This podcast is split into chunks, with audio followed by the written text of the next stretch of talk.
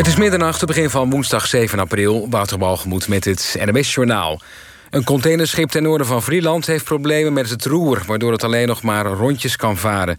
Het 170 meter lange schip Escape was volgens het ANP... onderweg van Rotterdam naar Helsinki. De kustwacht heeft een schip gestuurd om de Escape naar een veilige plek te slepen. Mochten er andere schepen in de buurt komen, dan worden die gewaarschuwd. De oorzaak van de problemen met het roer is nog onduidelijk.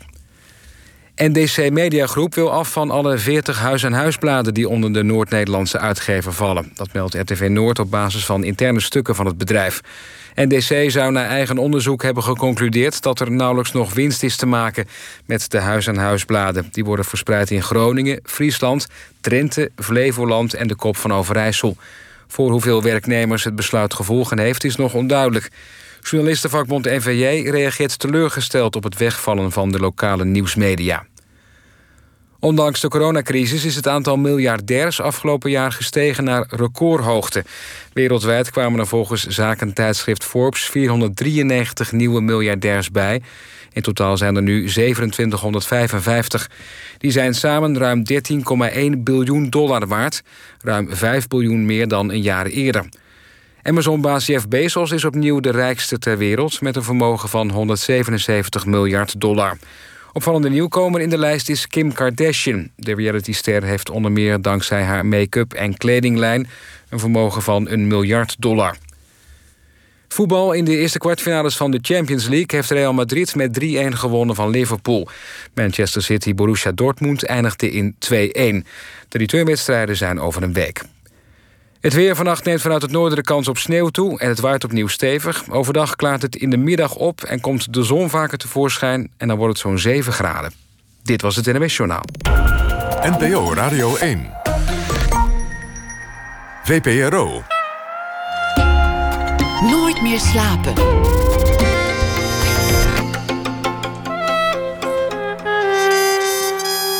Met Pieter van der Wielen. Goedenacht en welkom bij Nooit meer slapen, waar ik vandaag toch weer achter kwam. Dolf Jansen was thuis niet de grappigste, dat was namelijk zijn broer Henk. En hij was thuis ook niet de meest energieke, want dat is zijn broer Jim. En Jim die is hier, Jim Jansen, onvermoeibaar. En dat is goed nieuws, want Jim Jansen is een man met een missie. En die missie luidt het grote publiek interesseren voor de wereld van de wetenschap. Dat lijkt me geen overbodige luxe nu we midden in een pandemie zitten en wetenschappers soms dreigen te worden overschreeuwd door wiggelroedelopers, dansleraren en mensen met een mening zomaar een mening. Voor je het weet zijn ze weer gestopt met prikken. Enfin, Jim Jansen is dus hier en gelukkig houdt bij alles hij een zekere vrolijkheid. Dat is een gegeven. Jim Jansen, waarom hij en waarom nu? Nou, onlangs verscheen een boekje, Corona van A tot Z, Corona tot Z, met uh, bijdrage van wetenschappers over allerlei corona-gerelateerde zaken columns ook van zijn broer Dolf wederom. Robert Dijkgraaf die schreef bijvoorbeeld over Amerika, dat was dan de A. En natuurkundige Ivo van Vulpen over zoomen, dat was dan de Z. Nou, verder komt eraan een boek Eureka, dat is uh, een boek over momenten van bekende bollebozen dat zij ineens een inzicht hadden. En dan is hij ook nog genomineerd voor de Mensa-prijs. Dat is een prijs voor en door mensen die lijden aan enige vorm van hoogbegaafdheid. Jim Jansen is van 1971. Hij is ook nog de hoofdredacteur van de Nederlandse editie van The New Scientist. En hij is een fanatiek flipperaar. Kortom, een pinball wizard hier in de studio. Jim, hartelijk welkom. Wat een introductie, Pieter. Wat leuk dat je er bent. Ik stil. Dankjewel. Op dit prachtige tijdstip. Ja, en mijn, uh, mijn grappige broer Henk. Dat is ook heel mooi om die te memoreren. Want dat, dat, was, dat was echt de grappigste thuis. Nou, dat is de grappigste thuis. De, de, uh, ik ben de jongste van vier. Uh, mijn oudste broer die, die komt uit 1960. Die Jack, hacker Jack. Want dat, dat was een punker en dat is nog steeds een punker. maar die hackte al computers. volgens de overlevering in 1978. Ben je nog? Heeft hij de computer van de VU gehackt. Mijn moeder werd toen opgebeld. Uh, de, de man van de VU zei: Dit is briljant wat hij gedaan heeft, maar hij moet de universiteit verlaten. Nou, toen kwam Dolf, uh, daarna Henk de grappigste en ik was de jongste. Dus het was vrij gezellig thuis. Een computerhack in 1978, toen er waarschijnlijk nog helemaal niets op stond. Maar mijn moeder wist niet wat een computer was. Die wist niet wat hacken was. maar het was toch briljant. En het wel leuk aan mijn, mijn oudste broer is later, volgens mij echt, ik denk een jaar of tien, laat, of tien geleden is hij... Uiteindelijk heeft hij zijn studie toch nog afgemaakt. Dus hij was toch weer welkom op de vuur. En hij heeft ook uiteindelijk zijn studie afgemaakt. Dus het is toch nog goed gekomen. Je broer heeft wel eens gezegd, het was thuis eigenlijk iets meer uh, ja, de tros en de telegraaf dan iets anders. Ja. Dat is een ander ja. gezin dan je misschien zou verwachten. want, want bij Dolf zou je... Wij waren helemaal geen VPRO-gezin en helemaal niet van de volkskrant. Ja, op een gegeven moment, toen ik een beetje smaak begon te ontwikkelen... nou, wanneer doe je dat? Op je 14e, op je 15e. Dan koop je zelf een goede krant. Maar ik weet, mijn vader was een groot fan van de Telegraaf. Hij was ook een groot fan van... Uh, we hadden het Troskompas, kan ik me herinneren. En alles wat, wat links was of wat, uh, nou, wat riekte naar de VARA of naar de VPRO... dat, uh, dat werd vrij snel uitgezet. Dus jullie zijn eigenlijk in het verzet gekomen tegen, de, tegen de ouders. Dat, ja, zo voelde het niet, maar dat, dat denk ik eigenlijk wel. We komen, mijn moeder komt uit Ierland en mijn vader komt uit Vollenhoven, is uh, in Overijssel. En we zijn gewoon een vrij traditioneel Nederlands gezin. Mijn vader werkte en mijn moeder zorgde voor ons. Ik zeg nog wel eens tegen mijn moeder, ze had eigenlijk gewoon vijf kinderen. Weet je, want wij vier jongens, die deden niet zo heel veel in huis. En mijn vader deed ook niet zo heel veel in huis. Ik, weet, ik heb zelf nu kinderen en nu, uh, nu zie ik wat je gewoon wat uh, de, de man-vrouw verdeling, die is bij ons heel eerlijk. Maar dat, dat, ja, dat was gewoon, ja, dat was uh, gezin uit de jaren zeventig in uh, Amsterdamse Waterasmeer. Was er veel creativiteit dan thuis of hebben jullie dat allemaal zelf opgepikt? Nou, niet, niet wat je denkt van uh, dat uh, ga eens een fotografiecursus doen of ga eens. Als ik kijk uh, naar hoe ik mijn eigen kinderen probeer op te voeden en wat ik ze probeer mee te geven. Uh, laat zeggen, dat heb ik zelf niet zo meegekregen. Dus als ik bijvoorbeeld laat ik een mooie foto zien of laat ik een goed stuk zien, of dan probeer ik uit te leggen hoe je een verhaal maakt. Hè? Want dat is ik, ik een verhaal dat ontstaat gewoon in mijn hoofd en uiteindelijk twee weken later staat het in de krant. Ik had zaterdag een stuk in de PS van de week over de Amsterdamse reddingsbrigade. Maar twee weken ervoor zeg ik tegen mijn dochter van... hé, hey, ik ben nu met dit verhaal bezig en ik ga nu met een bootje mee. En dan probeer ik eigenlijk mee te nemen... hoe iets vanuit je brein uiteindelijk gewoon op zes pagina's in de krant kan komen. Dat vind ik heel interessant. Maar ja, dat hebben we en zonder... Uh, want ik heb hele leuke ouders. Dus geen, uh, hoe heet het, no hard feelings. Maar dat, uh, dat hebben zij niet gedaan. Ze hebben gewoon gezorgd dat er een, uh, een veilig nest, nest, was, dat er lekker eten was. Dat was. Het was altijd gewoon gezellig en uh, geborgen. Maar laat zeggen, ze zei niet van... hé, hey, je moet even naar die expositie gaan of je moet dat boek lezen. Dat was er allemaal niet. Hè? Maar jij bent vernoemd naar je opa. En dat James is, Francis. En dat ja. is een, een, een man met best een rijke historie. Zeker. Zeker. Want, want hij is een, een Sinn Féin onafhankelijkheidsstrijder aan Ierse zijde geweest. Ja. Ik Tegen heb, de Engelsen gevochten. Uh, zeker, zeker. Ja, ik heb dat is ja, dat is, het is een beetje uh, even in historisch perspectief. Ik ben dus de vierde. Uh, Jack heet eigenlijk Sjaak vernoemd naar Sjaak Zwart. Dolf is vernoemd naar mijn vader Rudolf Hendrik. Henk is vernoemd naar een oom. En toen mijn moeder voor de vierde keer zwanger was, toen zei ze, ja, nou gaan we... Dan ben ik aan de beurt. Nou gaan we een Ier vernoemen. En uh, de, uh, mijn naam is Jim. Maar James Francis. En dat was mijn, uh, mijn opa. Ik heb hem helaas nooit leren kennen, want hij is in 72 overleden, als ik het goed heb. Ja, dus dat, ja, dat, dat is natuurlijk als je in 71 geboren werd. En je hoort natuurlijk, weet je, ik, ik ben één keer... ik ben twee keer in Ierland geweest, maar één keer toen, toen mijn oma nog leefde. Maar mijn moeder heeft al 13 broers en zussen laat in Ierland hadden, laat zeggen, die allemaal weer vijf kinderen. En die hadden ook allemaal weer vijf kinderen. Dus ik kwam gewoon in, daar in dat dorp aan. voor mij was iedereen wel een neefje of een nichtje. Of een, een ander soort familie van mij. Wat ik ook wel heel leuk vond. Ik heb wel. Uh, ik, ik, ga er niet vaak naartoe, maar ik uh, laat zeggen. Uh, ik heb wel warme gevoelens voor Ierland. Dat, dat, ja, ik ben een halve Ier. Dus als ik zou willen, zou ik dan ook een paspoort kunnen, kunnen aanvragen. En laat zeggen, Ierse muziek is mooi. En, Want je bent een groot fan van U2, of in ieder geval ja, geweest. Nou ja, ik, ik heb een verhaal in het boek van Erik van Brugge. Helaas leeft hij niet meer. Ik heb een verhaal op zijn verzoek geschreven. Maar toen dat U2 een beetje doorbrak, 3,84. En toen was ik 13, 14. Toen vond ik dat wel, toen vond ik dat echt heel leuk. Uh, maar ik ben nooit, uh, ik, ik, heb ze twee keer of drie keer gezien, maar nooit echt hardcore fan. Maar het heeft dan toch een beetje zo'n wijgevoel. Uh, snap je wat ik bedoel? Omdat ze toch uit Ierland komen ja, uiteindelijk. Ja, dat ze toch uit Ierland komen. Net zoals de Pokes, van een geweldige band. Dat is echt, uh, ik, weet, ik weet niet of alle luisteraars uh, Shane McGowan...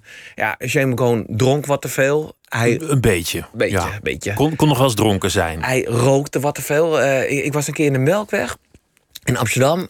En dan zie je die band zo, dat is een goede band, maar hij had gewoon een roadie die alleen maar uh, uh, de taak was om hem een sigaret tussen elk nummer door te geven en in zijn mond te duwen. En hij had ook niet zo heel veel tanden, dus dat gaf ook wel een, een, een, mooie, een mooi gezicht. Maar dit, laat zich, ja, hij, hij dronk veel te veel, maar hij heeft prachtig muziek gemaakt. Maar er zijn ook wel optredens geweest dat hij, dat hij ja. opkwam, omviel en gewoon op het podium in slaap viel. En zijn ja, roes uit te slapen. De Pinkpop optreden, dat ze dacht dat hij dood was. En dat hij gewoon zijn roes uit te slapen. I was doing the perfect imitation of Ian Curtis, zei hij toen. Voor mij tegen Jan Douw Kroeske, of tegen een van de jongens die dat toen deed. Vind, ik ook wel, vind ik ook wel, misschien een gruwelijk vooroordeel, maar past ook wel bij de, bij de Ierse ziel. Om, nou, om het gewoon te vieren in het moment. Ja, Zeker, zeker. En ik zal je. Um, uh, ik heb al heel lang een, eh, een, favoriete band. Ik weet niet of jij dat in je research ook, maar het Newmal Army, dat volg ik eigenlijk al 35 jaar. Eigenlijk in Nederland, maar vooral ook in het buitenland. En ik ging laatst dus, toen het nog mocht, naar Dublin.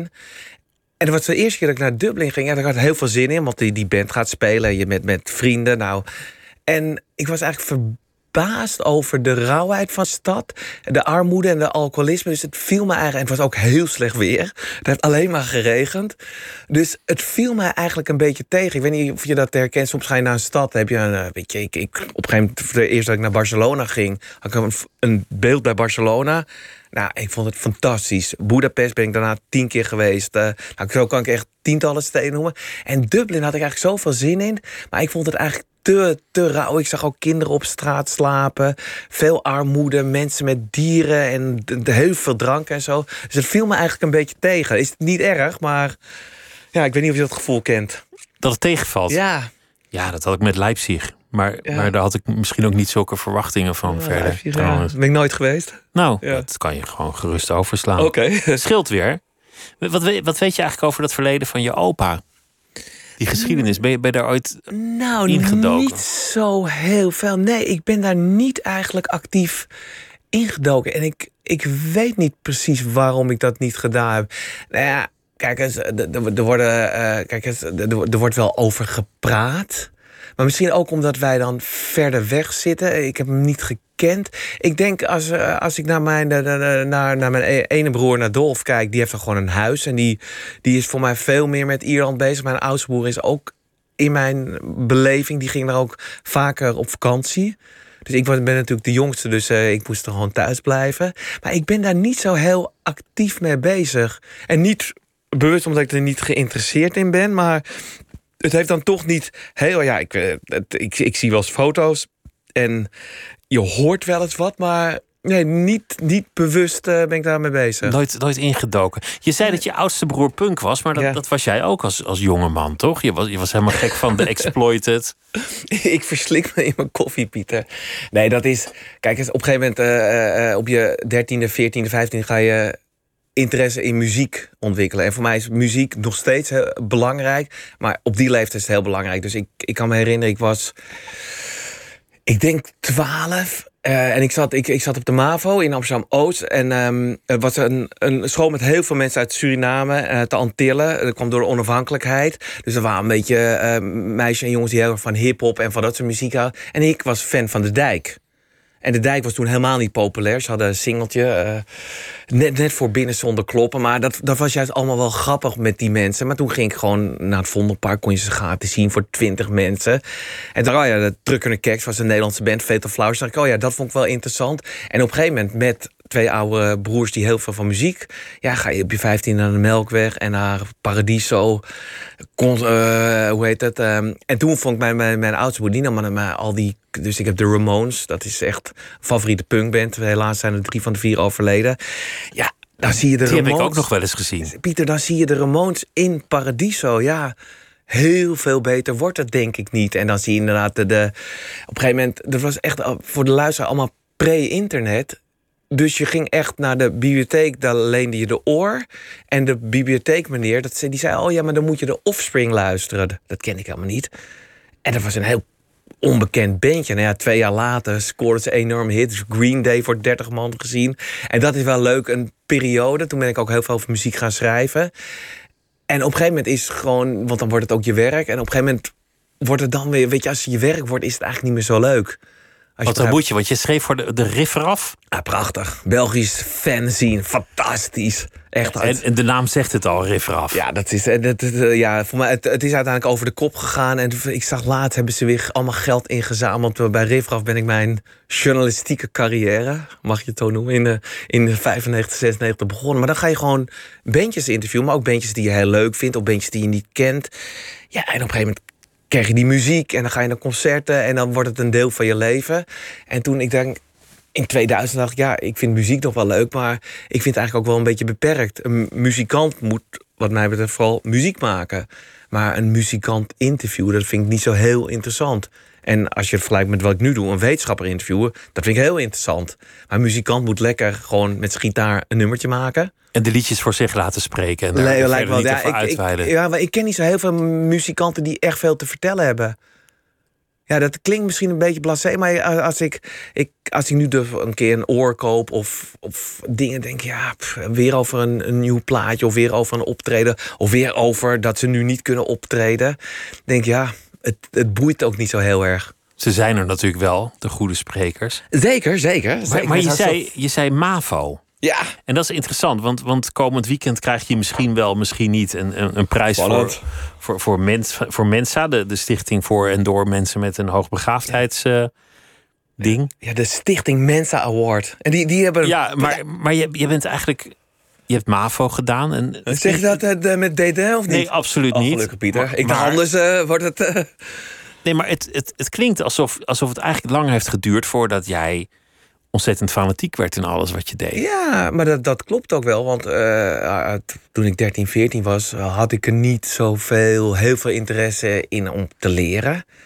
Eh, nou ja, dan, maar en ik heb daar een, eh, nou niet om, om, om diep te leren. Ik heb daar wel heel veel geleerd. Ik heb daar heel veel leuke mensen ontmoet. Dus daar leer je ook heel veel van. En ik denk mijn grootste, waar ik überhaupt het meest geleerd heb. Ik heb, ben 12 jaar zaterdaghulp in de HEMA geweest. Eh, dus van mijn 15e tot mijn 27e. Het is echt waar. Langste zaterdag hulp in de geschiedenis van het hele bedrijf ooit. En wat doet een zaterdaghulp? Nou ja, van alles. Van, en op ja, ja, ik ben al 100 jaar vegetariër, maar van worsten verkopen tot het magazijn, tot de, de Gewoon alles. alles. Eh, eh, de, de, de bedrijfskantine, de, de cashverlichting ophangen, winkeldieven opsporen. Nou, you name it, I did it. Ehm, maar in die, eh, na die MAVO ging ik gewoon naar het mbo, want ik wist god niet wat ik wilde. En toen dacht ik, nou, ik vond eigenlijk lesgeven leek me wel leuk. Dan ben ik gewoon naar de PABO gegaan. En toen dacht ik, hey, dit vind ik eigenlijk sowieso, word je een beetje uitgedaagd. Andere omgeving. En toen dacht ik, ja, nu wil ik ook wel studeren. En toen ben ik orthopedagogiek gegaan. Dat is eh, dus opvoedkunde voor kinderen die in hun ontwikkeling bedreigd worden. En toen dacht ik, ja, ik vind het heel leuk. Maar die journalistiek, eh, ik zei van voor de schoolkrant en dat riffraf kwam langs. Ja, en toen, Pieter, ja, dat is echt weer. Toen werd ik hoofdredacteur. En dat ben ik nog steeds, wel bij een ander blad. Maar ja, dat, daar rol je in en dan, eh, ja, blijk je dat te kunnen. En hoofdredacteur werd je bij de Folia. Nou ja, eerst, eh, eh, eerst dus bij Live Access, dat was een muziekblad. Toen bij Havana, de, dat is de, de, de, het weekblad van de Hogeschool van Amsterdam. Ja, ongekend. De Hogeschool had gewoon echt een fantastische krant, 32 pagina's elke week. En dat mocht ik maken. Met een fantastisch budget. En toen denk ik, nou, op een gegeven moment, na vijf jaar, dacht ik, nou, dat HBO heb ik ook wel een beetje gehad. En toen kwam dat, de universiteit langs. En ik heb sowieso, ik heb zo eh, bij de HVA gestudeerd, volgens bij de UvA gestudeerd. En ik hou enorm van de UvA. Eigenlijk alles wat de UvA uitstraalt, eh, nou, het imago, de plekken in de stad, maar ook het Science Park, nou, de topwetenschappers. Maar gewoon eigenlijk de UvA is een soort gevoel en daar hou ik heel erg van. Ik, ik heb nog een goede relatie ook. Hoe zou je dat gevoel dan omschrijven? Wat, wat is het UvA-gevoel? Nou ja, dat, dat, dat, dat is niet arrogant, eh, eh, eh, te onafhankelijk, intellectueel, maar ook een beetje. eh, ik ben Amsterdammer, ik ben heel trots dat ik Amsterdammer ben. Maar ik probeer niet vervelende Amsterdammer te zijn. Maar Amsterdammers kunnen ook wel eens vervelend zijn. Maar eh, de UvA is ook zo, kijk, wij, wij, wij zijn de UvA, weet je.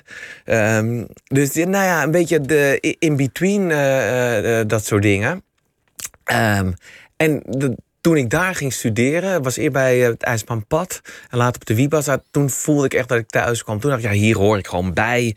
En dat, ik keek daar ook wel een beetje, dat, dat, ik keek ook wel echt op tegen mijn docenten. Ik dacht, je, je, je zal maar bij de universiteit college mogen geven. Dan, dat is toch het summum? En, eh, maar ik voelde me daar heel erg thuis. En ik ging naar het faculteitsblad. En ik las natuurlijk folia. Ik dacht, hoe, hoe kom je daar ooit als journalist? Nou, dat viel ook wel mee. Uiteindelijk schreef ik gewoon een brief. En werd ik aangenomen. Maar, ehm, maar dat heb ik eigenlijk nog steeds... eh, bij de met heel veel universiteiten heb ik te doen. Want dat is mijn dagelijkse... Ook met Maastricht en met Groningen. Eindhoven heb ik gewoon goede, onderhoud ik goede relaties. Maar bij de UvA heb ik echt het idee... ja, dat is nog steeds mijn universiteit. Ik voel me ook echt een soort ambassadeur daarvoor. Terwijl er ook altijd wel een beetje een bende was. Maar dat is misschien deel van de charme. Van, dat, is toch, van- dat is toch helemaal niet erg? Laat zeggen, het hoeft toch niet allemaal zo geregeld te zijn? Nou ja, ik, ik ging afstuderen aan de UvA. En dan, dat is een groot moment. En dan ga je daar naartoe. Dan zeg je, nou, ik denk dat ik genoeg punten heb in mijn scriptie.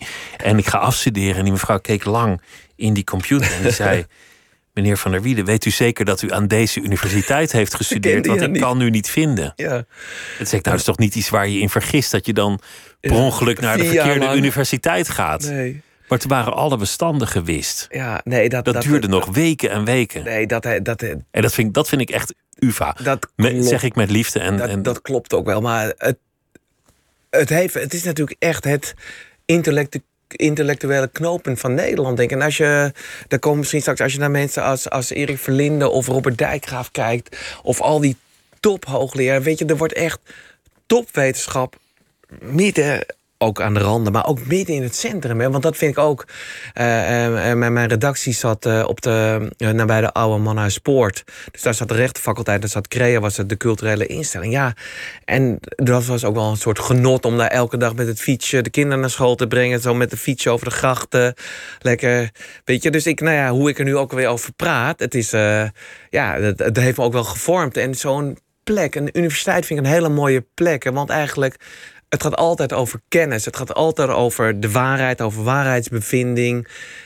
Maar jij kan als student ook het verschil maken, weet je. Dus ik vind die, laat zeggen, hoe wij dat ooit met elkaar bedacht hebben. Dat je dus naar een plek toe gaat en je gaat naar mensen luisteren. En je gaat met mensen opdrachten doen. Ik vind het wel een hele mooie plek. Om, eh, ja, ook wel een plek om te koesteren. Die we echt met elkaar moeten beschermen.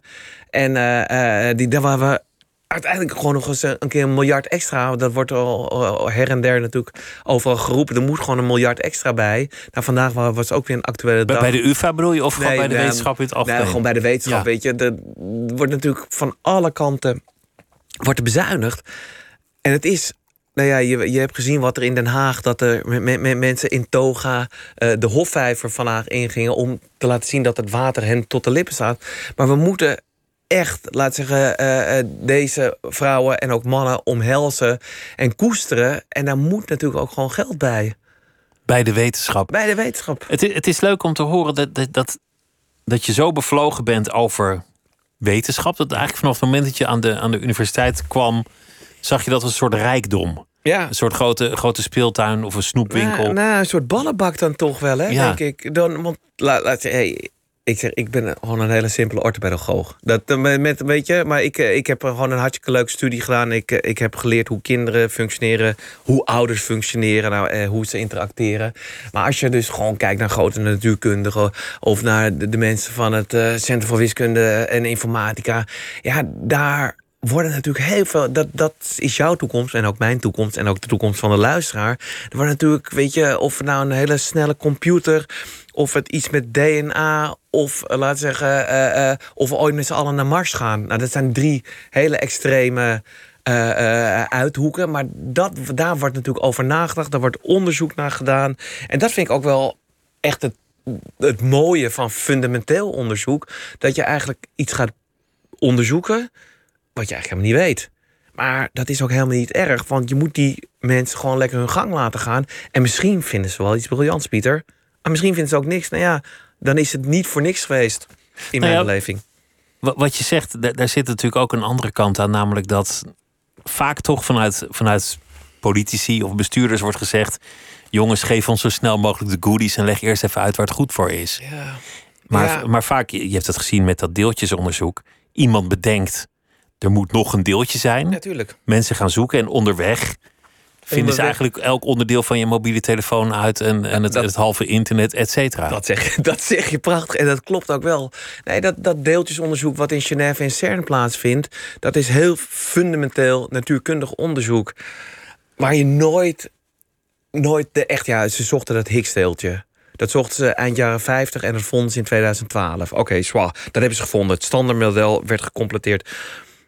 Maar het World Wide Web is daar bedacht omdat een Belg met een Engelsman wilde communiceren. En die zegt: Ja, misschien kunnen we iets bedenken. Nou ja, dat is echt daar. Ik ben op die plek.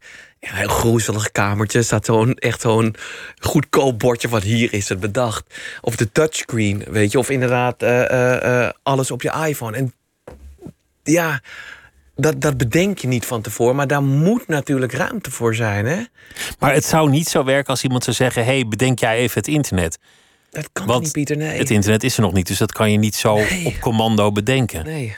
Maar, maar dat moet elke keer opnieuw uitgelegd worden. Dat fundamenteel onderzoek, ook al lijkt het abstract. En ook al denk je, nou ja, wat, wat moeten we met je deeltje? Dat is uiteindelijk nodig om, om heel veel andere dingen Ja, ook te krijgen. Ja, en om dat in gang te zetten. En daarom mogen wij in Nederland heel blij zijn met mensen als Nobelprijswinnaar Ben Veringa of eh, Robert Dijkgraaf. Die dat op een hele aanstekelijke manier voor een veel groter publiek. Weet je, als Dijkgraaf bij de Wereld Draait Door iets vertelt over de oerknal of over Einstein. Ja, dan bereikt hij heel veel mensen. En misschien ook wel mensen die dachten, nou, ik, ik snap wel, natuurkunde is eng. Weet je, en dat is het mooie. Ik denk dat het sowieso echt een oogstperiode is. Als je nu dat er grote ontdekkingen gaan, weet je, die, dat er een vaccin is in zo'n korte tijd is ontwikkeld. Dat is natuurlijk ongelooflijk. Maar dat het niet alleen bedacht wordt of ontwikkeld wordt, maar dat ook mensen het heel goed kunnen uitleggen. En dat is, eh, nou ja, ik, ik, ik word er zelf natuurlijk heel vrolijk van. Maar ik denk dat is ook wel heel belangrijk voor de wetenschap. Want het kost gewoon, het kost geld ook. Wetenschap is een dure sport. Eh, Ja. Het, het vaccin, dat, dat is denk ik echt een, een, een duidelijk voorbeeld. Ja. Het virus was hier officieel nog niet geland, voor zover wij weten. En, en in Leiden hadden ze al het totale ding in kaart gebracht. En hadden ze al de eerste proef met antilichamen in het lab Ja, die succes had. ja.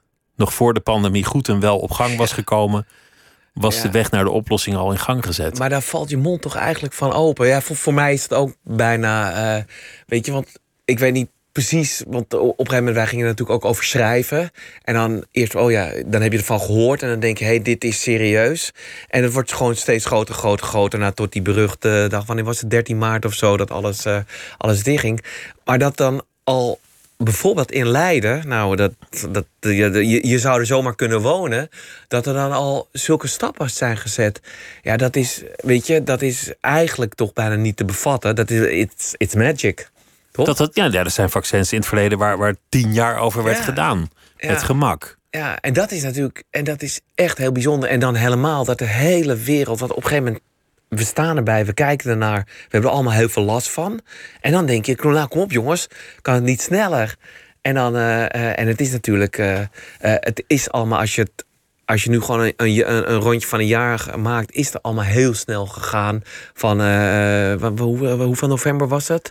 Toen het eerste echte vaccin er was? Ik, weet- ik weet niet de exacte Nee, datum nee, in maar- november, maar, toen- en ik, ik kan me ook herinneren, dat was voor mij rond kerst. Toen hadden we het idee, oh, we kruipen er echt uit. Hè? Er is echt, je zag echt een soort licht aan het einde van de tunnel. Nou, nu zitten we nog steeds in die tunnel. Maar dat, dat, is, ja, dat, dat is echt te danken aan die, ehm, eh, aan, aan die, eh, aan die wetenschappers... die echt, echt dag en nacht...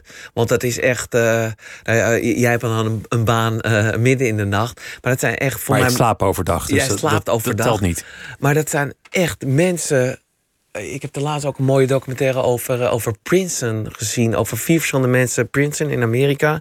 Die ze eh, gewoon hun leven gegeven. Ja, ik moet, daar moet ik ook niet aan denken. Want ik heb ook gewoon een heel leuk gezin en hobby's en zo. Maar die hun leven echt geven aan de wetenschap. Dus die gewoon in principe gewoon altijd met de wetenschap bezig zijn. Die, die kunnen ook geen gezin ernaast hebben. Die kunnen ook eigenlijk denk ik niet normaal eten of zo. Die, die willen Ze gewoon zijn zo gedreven. ja, die wil gewoon antwoord hebben op grote vragen. Nou is het het risico op dit moment, en ik, ik denk wel dat het goed komt, maar natuurlijk niet bij de wetenschappers, maar bij de bestuurders. Dat ze, zoals nu vandaag een klein beetje aan de hand is, in paniek raken. En stoppen met prikken, ondanks dat de deskundigen zeggen: jongens, er is niet zoveel aan de hand. Het kan wel, ga maar door. Maar ik zou echt, kijk, eh, bestuurders moeten besturen. Daar zijn ze hopelijk goed in. Maar als de wetenschappers, de mensen die in dit onderzoek, die 10, 20, 30, 40 jaar daar zitten. En of je nou uit Groningen komt, of uit Amsterdam komt, of uit Maastricht komt. Ik heb ze allemaal gelezen in, uh, in Parool van, vanmiddag, vanochtend in het NRC. En die zeggen, je kan doorprikken. Maar ja, en dat er ook echt bij heel veel mensen echt ergernis was. Irritatie bijna zelfs. Hè? Bij de trombose-experts. Ja, bij de trombose-experts. Uh, ja, dat is eigenlijk deze, deze dames en heren, die hebben er echt, die zitten, dat is hun leven, die hebben ervoor doorgeleerd, die zien dagelijks patiënten. Ja, daar moet je gewoon naar luisteren. En, en dat is natuurlijk, weet je, want ik ga niet, weet je, ik, ik, ik ben een heel volgzaam uh, iemand op dit gebied dan. Nee, want ik ga, maar dat, dan denk ik, ja, luister dan er in ieder geval naar. Want we, nou ja, want we, we hebben er allemaal wel. Uh, we, iedereen zit een beetje aan zijn tax. Iedereen zit een dit is onze weg eruit. Ja. Dit, is, dit is wat ons, ons ticket terug het café in gaat. Uh, een ticket terug het café in, Pieter. Het klinkt ja. mooi. Of de opera, of, of, of wat je ook wil. Voetbalstadion.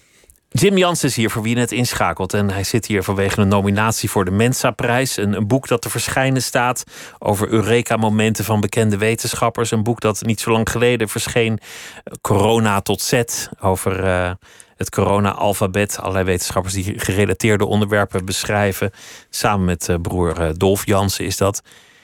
Het, het hoofdredacteurschap van een blad is bij jou iets anders dan gewoon sec een blad maken. Ja. Het, het, het, behelst veel meer activiteiten. Ja, dat, dat, eh, ik wil bijna zeggen, het is een goede vraag.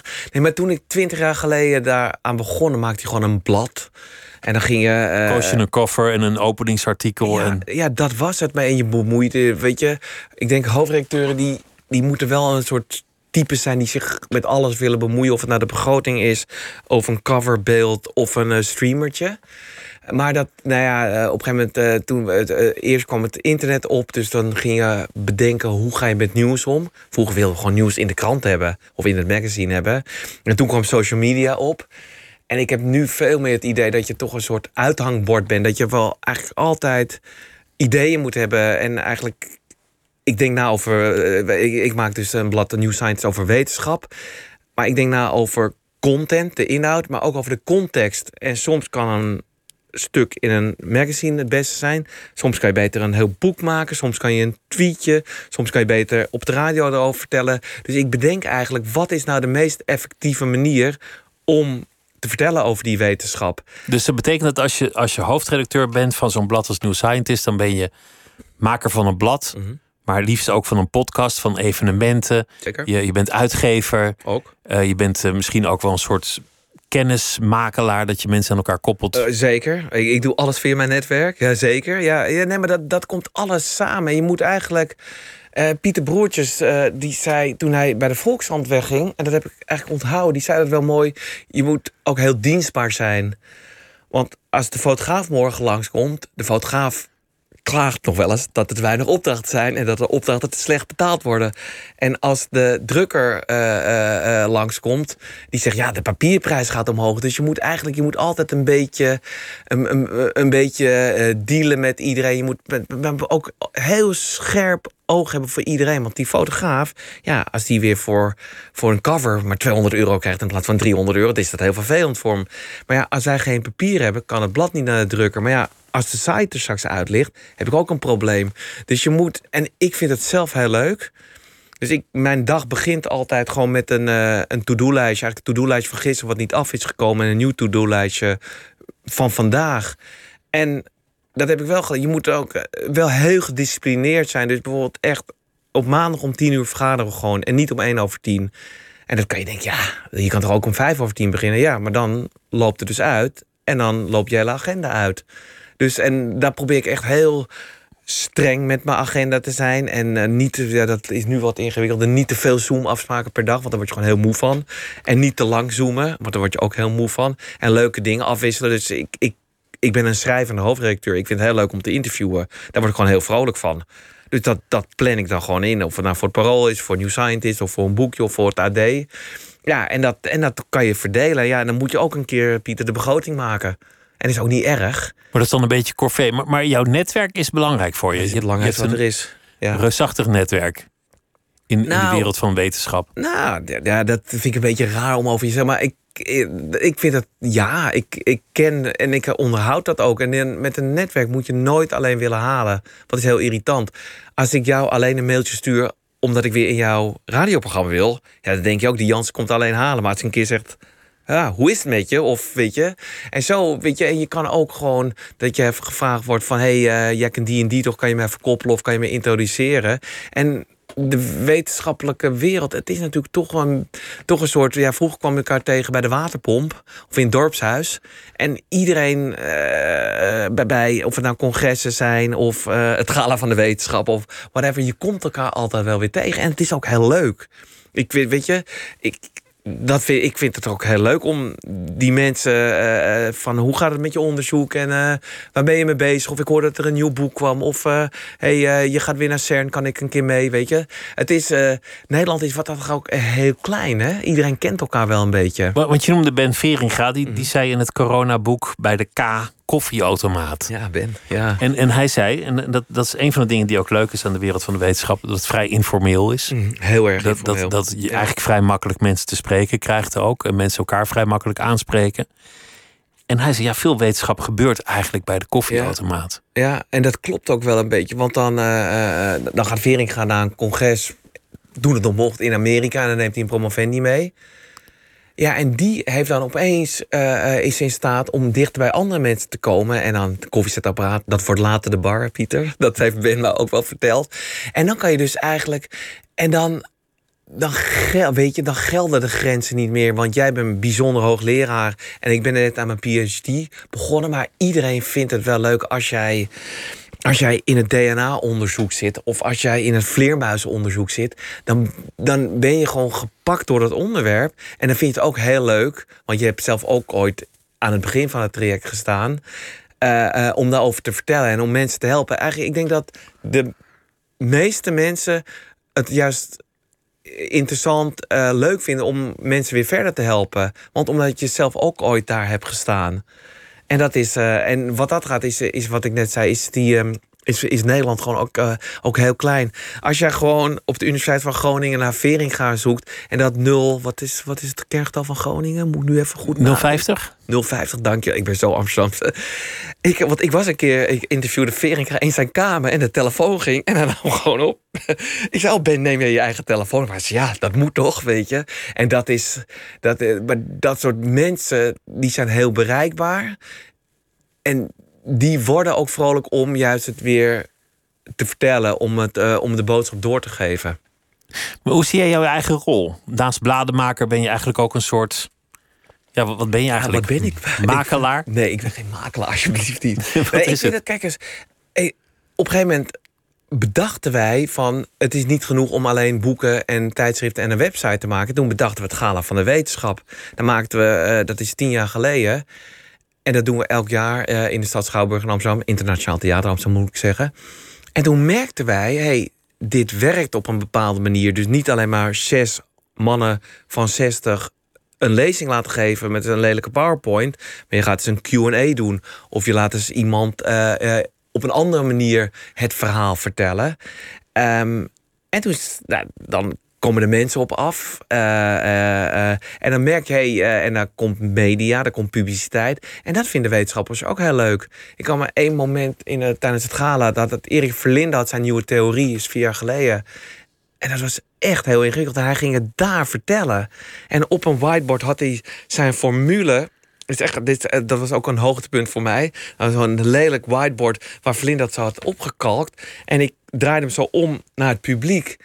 Stad Schouwburg, 700 mensen stonden allemaal met een mobieltje die formule te fotograferen. Ik dacht, ja, nu bereiken we echt iets met z'n allen, weet je. Nu ga je echt hele fundamentele theoretische natuurkunde gewoon voor een groot publiek eh, kenbaar maken. En dat is gewoon heel leuk. En dan, ja, of ik nou makelaar ben, ja, ik ben vooral, hoop ik, mezelf. En ik probeer gewoon, ja, dus ik ben nu met Lowlands bezig, met Lowlands Science. Daar mogen we elke dag een programma maken. Ja, ik vind het heel leuk. Maar de mensen die ik vraag vinden het natuurlijk ook heel leuk. Stel dat jij een wetenschapper bent, Pieter, zou je het ook wel leuk vinden van ik ga naar Lowlands, ik mag iemand meenemen. En, het, is, het is daar altijd super geïnteresseerd publiek. Dat is, dat is heel leuk. Ja, altijd. We deden het, de laatste keer Lowlands, dus was niet afgelopen jaar, maar het jaar daarvoor deden we bijvoorbeeld een programma op vrijdag met Henny Vrienden van Doe Maar. En met Erik Scherder, uh, hoogleraar neuropsychologie. En het was echt afgeladen. En dat voel je als je dan het podium opkomt. Dan voel je meteen, dit kan niet meer misgaan.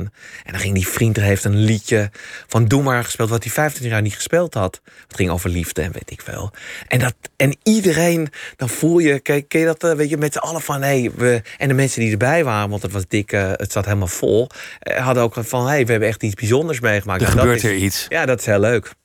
Ik, ik heb heel lang die wetenschapsprogramma's gedaan op, op de radio. En achteraf denk ik, er zat ook soms een soort naïviteit in. Want, want eigenlijk is de wetenschap natuurlijk nog net zo menselijk als, als elke andere sector. Je hebt, daar, je hebt daar natuurlijk ook opportunisme.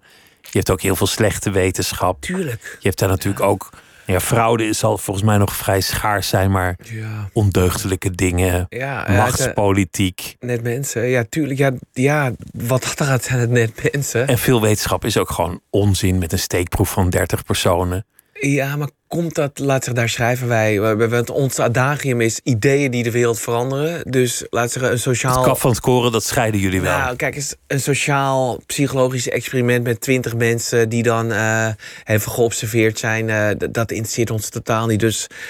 Uh, New Scientist, de, de, de, de basis wordt gelegd in Engeland. Dat is ja, een heel groot uh, merk. Dat, dat, is niet te danken aan mij.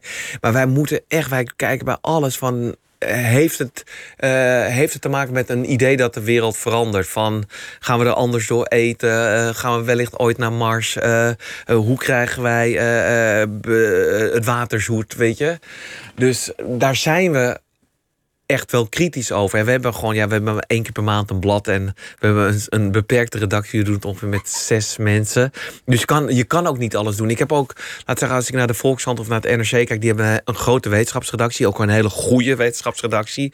Maar ik heb, toen ik hier kwam, heb ik meteen de ambitie laten varen om een nieuws medium te worden. Want het kan, daar, hebben, daar hebben we gewoon geen mensen voor.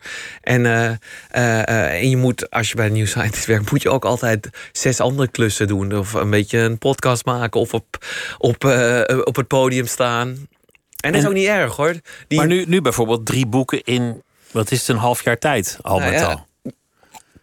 Ik neem nog één stokje water, Pieter. maar dat, dat, is, dat, is, dat is echt, echt knallen. Nou, dat is de kijk, ik denk dat iedereen die ook luistert, voor iedereen is corona vervelend. Maar ik heb niet zo heel veel medelijden met mezelf. Ik heb een, een huis en een uh, prettig gezin en een fijne baan. En uh, ik kan ook de huur betalen en snel internet. En dan moet je dus gewoon gaan kijken van, hé, hey, wat is er wel mogelijk? Nou ja, heel veel dingen zijn er niet mogelijk, maar gewoon schrijven kan overal. En inspiratie, dus op een gegeven moment uh, um, in april, dus een jaar geleden, ben ik gewoon een serie begonnen voorbij de waan. En toen dacht ik echt, wat kunnen we nou doen voor, als de waan voorbij is? En toen ben ik allemaal wetenschappers gaan interviewen. Hebben we gewoon online een magazine gemaakt. En dan kreeg ik heel veel interessante... Wat, wat bedoel je met de waan? Nou, de waan van de dag. Als je... Ga even terug naar een jaar geleden. Wij leefden bij de waan van de dag. Het was elke seconde de nieuwe cijfers, de IC-opnames. Uh, gaan de scholen alweer open? Wanneer mogen we weer naar het café? En dat was echt. En toen bedacht ik uh, met, met, met een bevriend iemand van een communicatiebureau. Die, daar zat ik mee te bellen. Die zei: Kunnen niet voorbij die waan gaan? En kan jij niet gewoon wetenschappers? Dus als je nu op newscience.nl heb je gewoon hele grote long reads Waar, waar, mensen dus voorbij hun waan gaan van hoe ziet de wereld er straks uit. Dat is niet helemaal uitgekomen, want dat straks is nu. Dat is uh, uh, april 2022 en uh, nou ja, we zitten nog steeds in een lockdown. En er is nog steeds heel veel niet mogelijk. Maar ik vond dat toen wel interessant om, laten zeggen, die actualiteit te koppelen aan de wetenschap. Nou, en toen, toen op een gegeven moment in, wanneer was dat? In oktober gingen de terrassen weer dicht en de cafés. Ja. En ik zat met iemand van een uitgeverij te praten. Een andere uitgeverij, niet onszelf. En die zei, ja, we moeten een keer een boekje maken. En echt daar ter plekke, met een kopje koffie, bedachten we dat.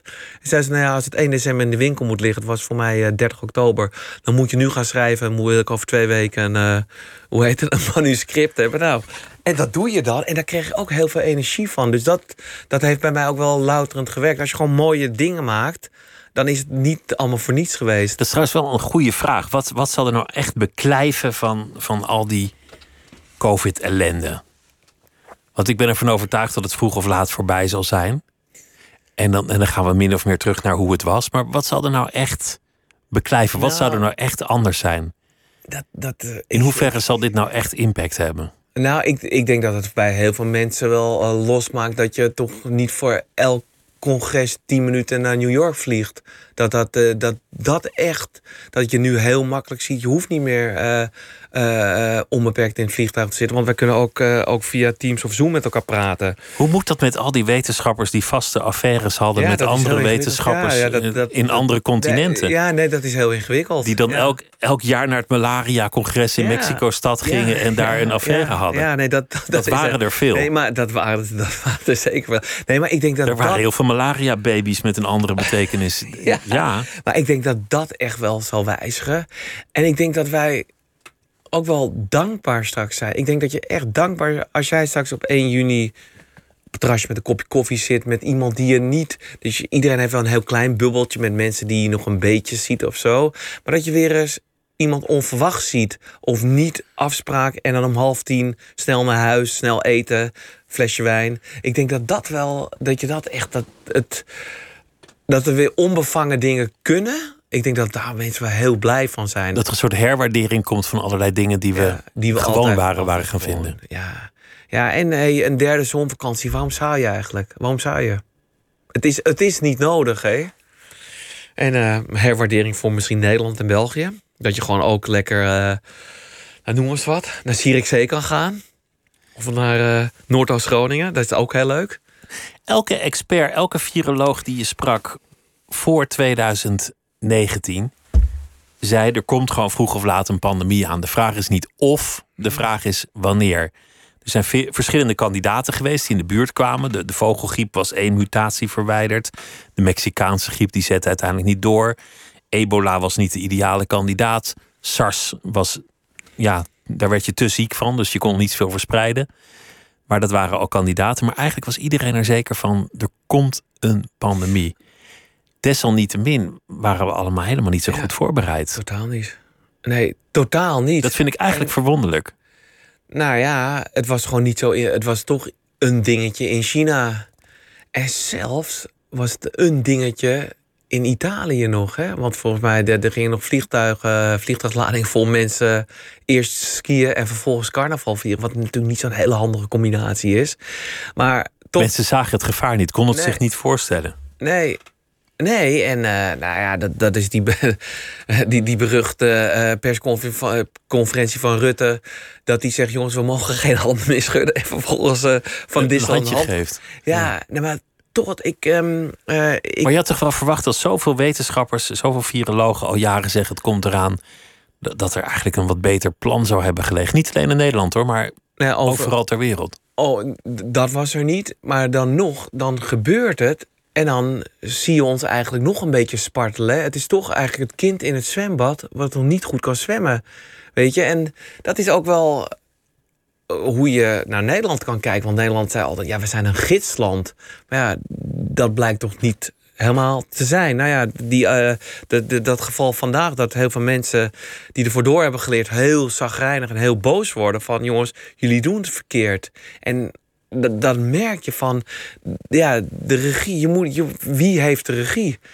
Nou, en wat dat gaat, zitten we niet in een hele stabiele periode. En ik denk dat... Politiek gezien bedoel je. Nee, politiek gezien. En ja, ik denk dat het gros van de mensen gewoon heel erg zijn best doet. En iedereen houdt zich voor mij ook probeert zich echt heel erg aan de regels te houden.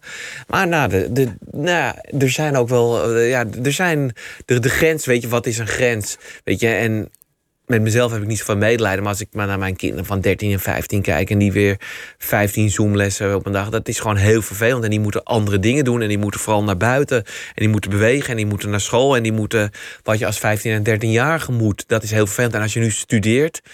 Als ik naar mezelf terugkijk, toen heb ik heel veel... Dat studeren was eigenlijk... Pieter, dat deden we toch amper? Dat deed- was een bijzaak. Nee, ja, ik zat bij de schoolkrant en ik werd hoofdredacteur. En ik, eh, ik, ik ging zes keer per week naar Paradiso.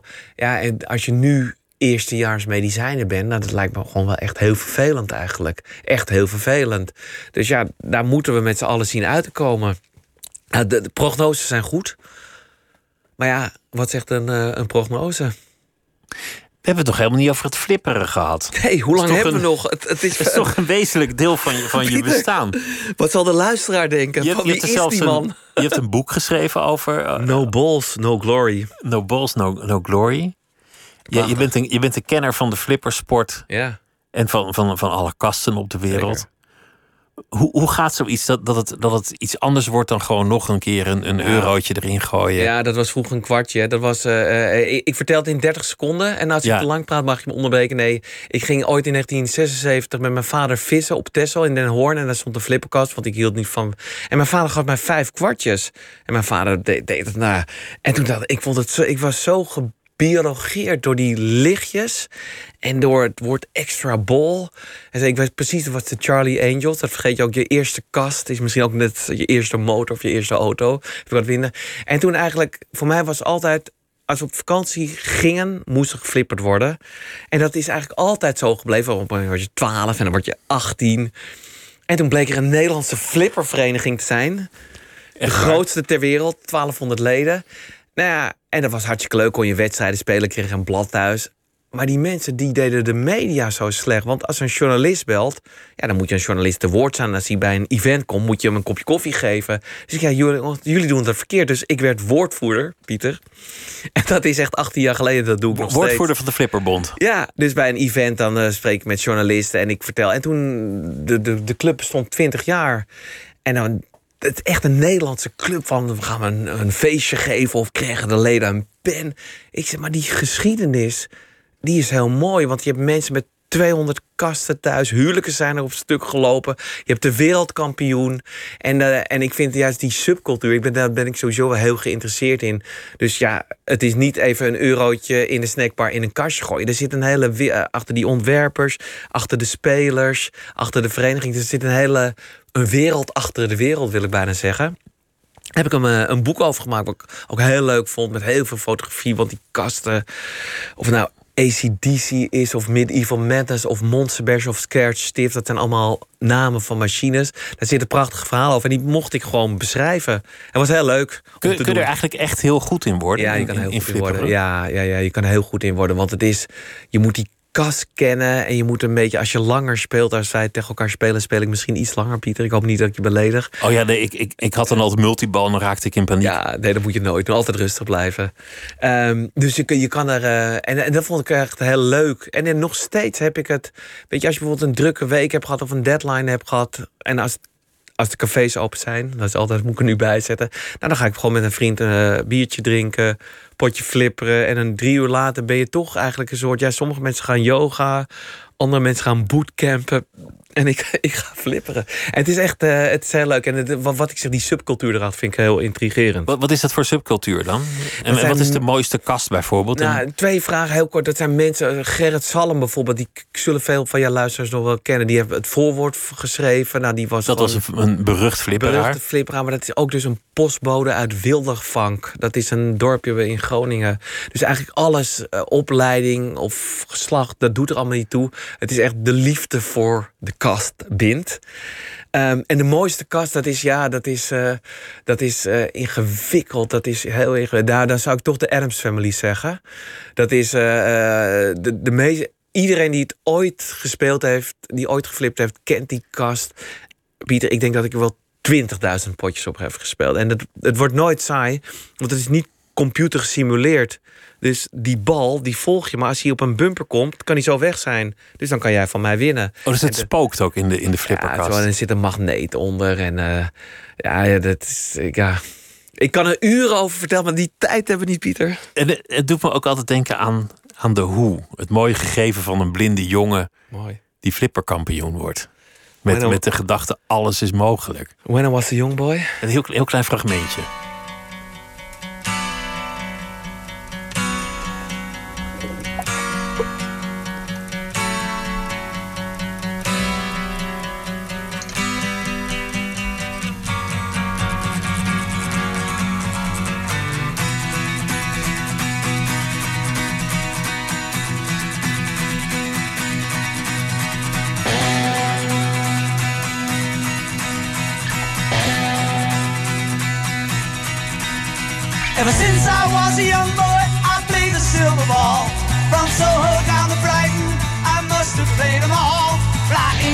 Nothing like him in any amusement hall. That deaf, dumb, and blind kid sure plays a mean pinball.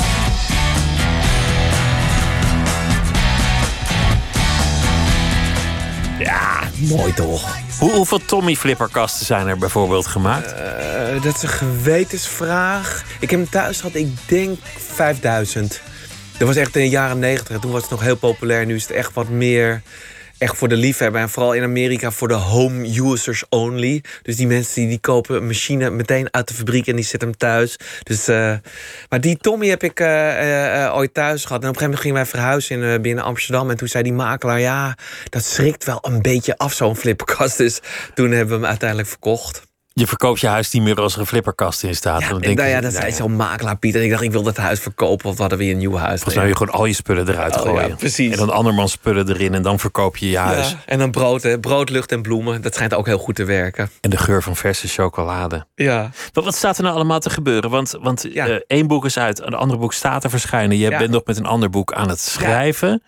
Ja, uh, dus uh, op 8 juni komt uh, voetballers zijn net bewegende deeltjes. 56 uur rekenmomenten van Belgische en Nederlandse topwetenschappers. Het dus moment dat ze dachten van. Ja, ja dus, het. dus het echt het Eureka-moment van dat je het ziet. En dat is heel mooi. Dat, dat kan overal gebeuren. Dat kan in het lab gebeuren. Maar dat kan ook op Oosterhuis, bij de luisteraar bekend die bedacht echt onder de douche, bedacht hij het. En toen zei ik maar, Ab, waarom dan? Hij zei, dat was het enige moment op de dag dat niemand aan mijn kop liep te zeiken. Quote, staat in het boek. Hij zei, dan kon hij heel rustig nadenken en dan... En toen zag hij opeens het licht. En dat is, ja, ik, eh, weet je wat, ik interview al die mensen. En dat is eigenlijk ook een soort cadeautje. Want je, je interviewt mensen op, op een hoogtepunt van hun carrière. Zo'n 20, 30 jaar bezig. En dat uh, breng je terug in 300 woorden in het Algemeen Dagblad. En nu dus in een boek. Nou, wat ik heel leuk vind, is de diversiteit in. Uh, het staan ook Vlaamse, maar vooral in Nederlands. Dus we hebben echt van een orthopedagoog tot, tot, uh, tot iemand uh, die CRISPR-Cas met CRISPR-Cas werkt. Van iemand die met schimmels in de grond en dan allemaal dingen. Die zijn 95% van het heelal is onbekend.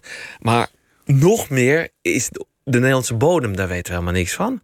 We weten meer van, van de maan dan van de Nederlandse bodem. Ja, bewijs van spreken. Ja, die gaat dan echt zo'n uh, in, de, in de bodem graven. En die ziet dan allemaal schimmels. En die ontdekt dan weer allemaal prachtige dingen. En dat, dat is toch wel heel fascinerend. We weten, Pieter, we weten nog heel veel niet.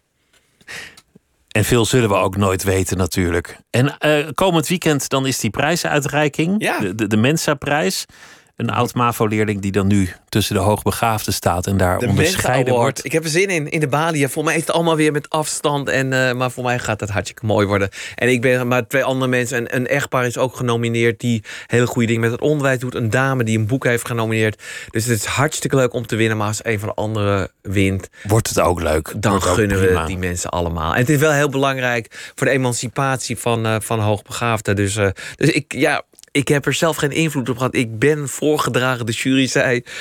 Die man doet blijkbaar goed werk. Dus uh, wij, dit is een, een, een, grote eer. En we gaan er gewoon op zondag een hartstikke mooie dag van maken.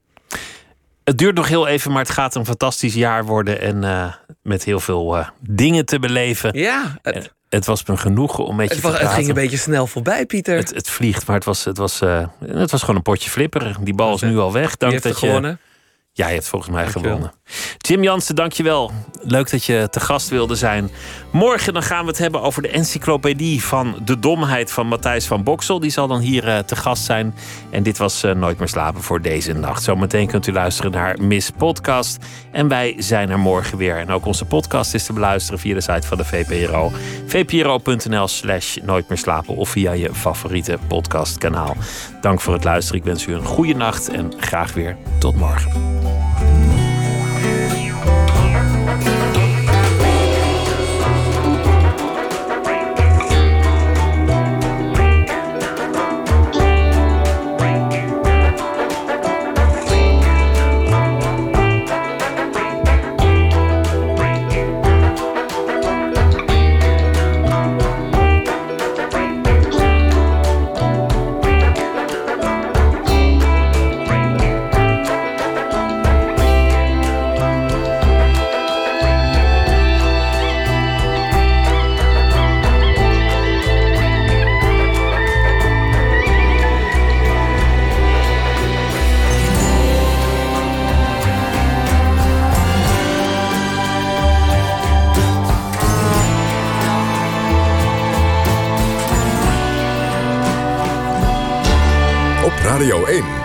Nieuws van alle kanten.